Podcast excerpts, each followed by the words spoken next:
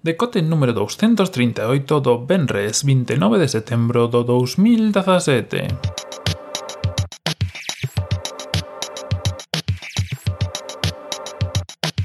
Bos días e benvidos, benvidas a esta nova edición do Decote nesta edición de Benres na que hoxe imos a dedicar única e exclusivamente a falar das cousas que presentou Amazon na o seu... Bueno, foi unha especie de charla secreta. Non secreta, senón que, digamos que embarcou o feito os medios de comunicación. É dicir, non lles permitiu decir que tiña unha charla a que estaban convidados eh, que foi, pois, como os digo, fai dous días o mércores. Esta charla Pois foi en Seattle, que donde ten Amazon os seus cuartéis xerais, non sei se sabedes, pero na cidade onde máis chove de todos os Estados Unidos, e onde Amazon ten os seus, o seu punto de traballo, non en Silicon Valley nin estos sitios, por curioso que parezca, e presentou novos dispositivos que teñen boa pinta, aínda que por desgracia xa vos digo dende agora que non van chegar a Europa, polo menos no que resta de ano, e xa veremos si nos próximos anos. Bueno, como dio título, presentou novos Eco Eco que sabedes que o asistente... Bueno, non é o asistente virtual, o asistente, o asistente virtual é Alexa. Eco son os aparellos domésticos, os asistentes eh, virtuais domésticos onde mete a Alexa. Novos Eco con un par de propostas bastante interesantes como, como veremos, e un novo Amazon Fire TV. Como sabedes, ou se non vos lo conto agora, o Amazon Fire TV é ese pequeno aparello que o igual que pasa co Chromecast, se enchufa a televisión e eh, permite enviar contido. Este novo Amazon Fire TV permite enviar contido en 4K, como é normal, todo o mundo se pon agora a altura do 4K, ya sabes que Chromecast xa ten unha versión 4K, o Apple TV acaba, sair, acaba de sair cunha versión 4K, e bueno, Amazon non iba a quedar atrás co seu Amazon Fire TV, con esta versión 4K que ademais tamén soporta HDR, High Dynamic Range, que xa falamos de eso en algún momento por aquí, que é algo que mellora a visión sempre que a televisión que estés utilizando o soporte, evidentemente. E eh, xunto con este Amazon Fire TV, pois tamén chegaron novas cuestións, novos aparellos, novos eco, que a verdad que ahora mismo a, por parte de Amazon parece que a proposta máis sólida, máis a futuro, que leva máis tempo entre nós tamén, no que aspecta, no que respecta a aparellos de, de asistencia no fogar. O primeiro eco, aínda que parece mentira, saiu eh, no 2014, o sea, xa fai tres anos da primeira saída do eco. E, pois, dende entón, leva a Alexa, leva o seu asistente virtual, igual que Siri eh, en Apple, e este, pois, un pouco O igual que isto, son dispositivos que están no sitio fixo na casa, que dispoñen dun altavoz e que se encargan de axudarnos un pouco no día a día. Si, si vos lembrades, a última vez que falamos por aquí de Amazon, falábamos do Echo Show, que era un dispositivo mmm, con pantalla e con cámara dunha forma cuadrada que se poña así de, que se puña de pé, pensado para ter na casa nun sitio concreto, cunha pantalla iluminada de cor e que un pouco que pretendía ser un pausiño máis adiante do que era o Amazon Echo ata entón. O Echo ata entón era un asistente só de voz e este pois daba un paso máis podendo ter referencias visuais, servindo pois para pedirlle que te xes unha receita e ter a receta aí eh, na pantalla e poder verla mentras cociñabas e ademais incluía novas funcións como por exemplo eh, facer chamadas, videochamadas, bueno, permitíache incluso eh, no caso que fose necesario utilizala como unha especie de cámara de seguridade pois, pois se querías acceder a túa, ao teu Amazon Echo Show en casa pois ver o que estaba pasando esta función evidentemente non está aberta a todo o mundo sino que era unha función pois, en caso de emerxencia para, para o teu propio Echo Show e para momentos moi puntuais Bueno, a cuestión é que unha das primeiras cousas que presentaron foi non é unha segunda versión, pero sí un novo modelo deste, deste mesmo concepto que é o Echo Spot. Este EcoSpot pois, é unha versión máis redonda que basicamente cando está en reposo é un reloxo que tamén leva un, unha cámara e unha pantalla en cor como, como cabería de esperar e que está pensado un pouco para ter en diferentes sitios da casa e que funcione ao igual que o seu predecesor o que o seu eh, bueno, deste Amazon Echo Show para poder chamar, para poder facer videochamadas e, ademais de eso, pois, todo o que xa ten Alexa como asistente virtual, podes preguntar cousas ou que che, ou que che lembre cousas ou poñer temporizadores ou o que faga falla. Tamén funciona como interfaz para a domótica do fogar, o que falábamos outro día cando falábamos dos, das Stratfree e as bombillas intelixentes de IKEA, pois que a través deste, deste dispositivo podes mandar ou dirixirlle para que poida pois, encender a luz ou subir a persiana ou abrir a porta, dependendo da domótica que teñas instalada na casa. Así que, un pouco a pouco, pois vais achegando cada vez máis a esta idea de ter pantallas, de poderse comunicar en calquer sitio da casa, de ter dispositivos de axuda, como, como é Alexa, en calquer sitio da casa. É moi interesante tamén porque o prezo, pois, vai moi acorde ao que pretende Amazon con todo o que saca. En concreto, van ser 130 dólares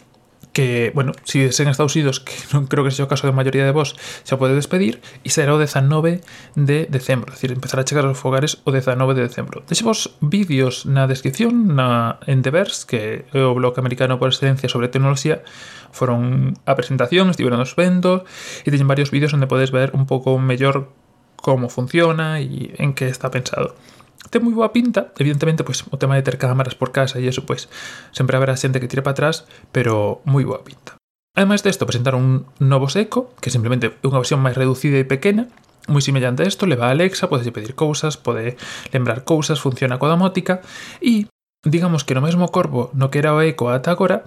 teñen un novo dispositivo, un novo dispositivo que se chama Eco Plus. Que ten este Eco Plus? Pois o primeiro, ten altavoces mellorados. Altavoces mellorados que seguro que moitos está pensando en que isto ven directamente pola influencia de HomePod, que aínda que non saiu e será o primeiro altavoz de Apple, que por certo na primeira tirada e no primeiro anuncio tampouco chegar a estes lares, non sei que pasa con, con que cheguen este tipo de, de cousas aquí, pois eh, influe eh, como sabedes, HomePod parece que está muy centrado en una calidad de sonido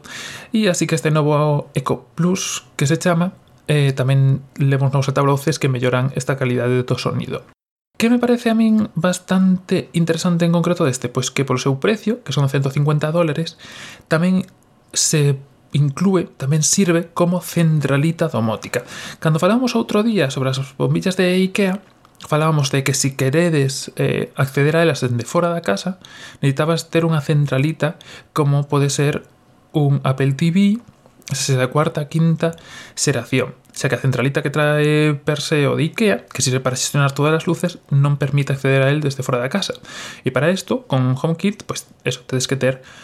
para que funcione a través de HomeKit, tedes que ter un Apple TV. Este Eco Plus funciona como centralita e, ao parecer, xa ten máis de 100 dispositivos de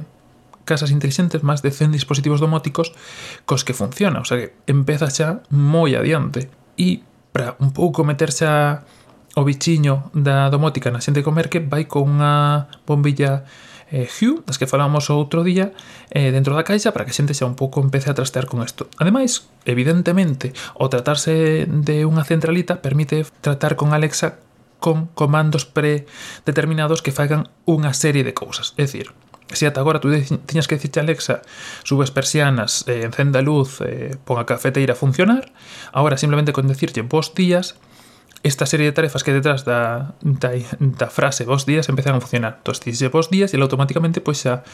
encenda a luz, sube a persiana e pon a funcionar o enchufe que está conectado á cafeteira, todo automáticamente. A verdade que un paso bastante adiante, sobre todo no tema da domótica, que parecía que Amazon o tiña un pouco máis esquecido, en como os decía, había cousas xa compatibles, eran compatibles cos comandos, pero non tiña unha centralita en un centro onde poder eh, facer este tipo de cousas. É dicir, isto xa é posible con, con HomeKit, podes decirlle pois preambientes, creo que se chaman,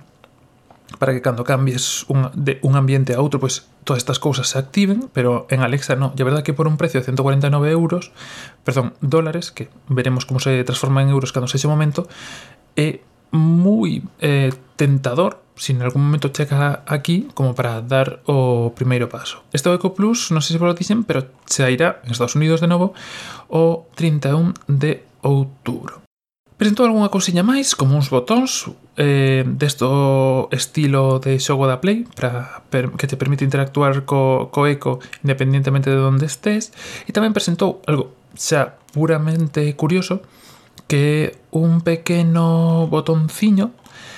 botón, non sei como chamalo, é un pequeno dispositivo que vai ligado ao Amazon Echo e que se conecta a o cable de teléfono. Que permite isto? Pois isto permite che poder facer chamadas telefónicas normales polo teléfono fixo que teñas na casa a través do Amazon Echo. É dicir, que tú cando lle digas Alexa, chama a miña nai, o meu pai ou a quen queiras, este no poida facer esa chamada a través do teléfono fixo. Xa, como sabedes, Alexa ou estos Amazon Echo non levan unha tarxeta SIM, non está medios no teléfono, así que todo o que fan, pois, ou é por wifi ou pois neste caso ahora poden facelo por pola parte telefónica. Bastante interesante porque con internet por un lado e por teléfono por outro, en de acceso fixo, pois ao final xa pode facer todas as cousas que, que pode facer un teléfono móvil, xa que un teléfono móvil pois non deixa de ser xunto con outras cousas internet por un lado e o teléfono por outro, e se o tes fixo no sitio, pois non che fai falla nin o GPS, nin todo este tipo de cousas. Bastante interesante. A mí parece unha proposta bastante interesante. Veremos cando chega dar o salto a Europa eh, para chegar a Reino Unido e Alemania máis adiante, eh, aínda están por concretar as datas, pero é bastante interesante. Por un lado, polos pasos que está dando Amazon en que isto sexa un estándar e chegue cada vez a máis xente, Por outro, pois o tema de que parece que Amazon ten claro que, que ten que ser o primeiro e chegar canto antes a maioría de casas, ainda que non deu salto a Europa. Desto, por certo, fala Mixio na súa newsletter de, de onte, deixemos abaixo o enlace, por se queredes ver, el, metes un pouco máis de cheo en todo o tema empresarial e de ideas que pode haber detrás.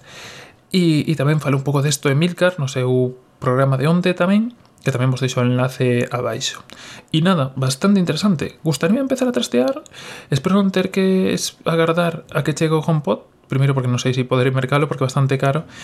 pero bueno, veremos, veremos como, como vai aumentando isto da domótica. Foi unha semana bastante domótica esta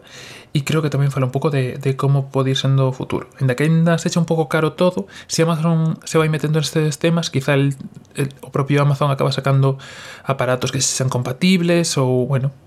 si entre IKEA e Amazon poden acabar facendo que haxa aparellos compatibles eh, coa domótica, cos diferentes sistemas que sexan asequibles para, para a maioría da xente. E nada máis por este. Espero que teñades un bo venres e un bo fin de semana. Sabedes que todos, todos os enlaces, ademais de na propia descripción no vosso podcatcher, tamén en podcast.org.net, onde tamén tedes o meu Twitter, Facebook e formas de contactar conmigo. Nada máis por hoxe, que teñades un bo fin de semana, un saúdo e ata luz.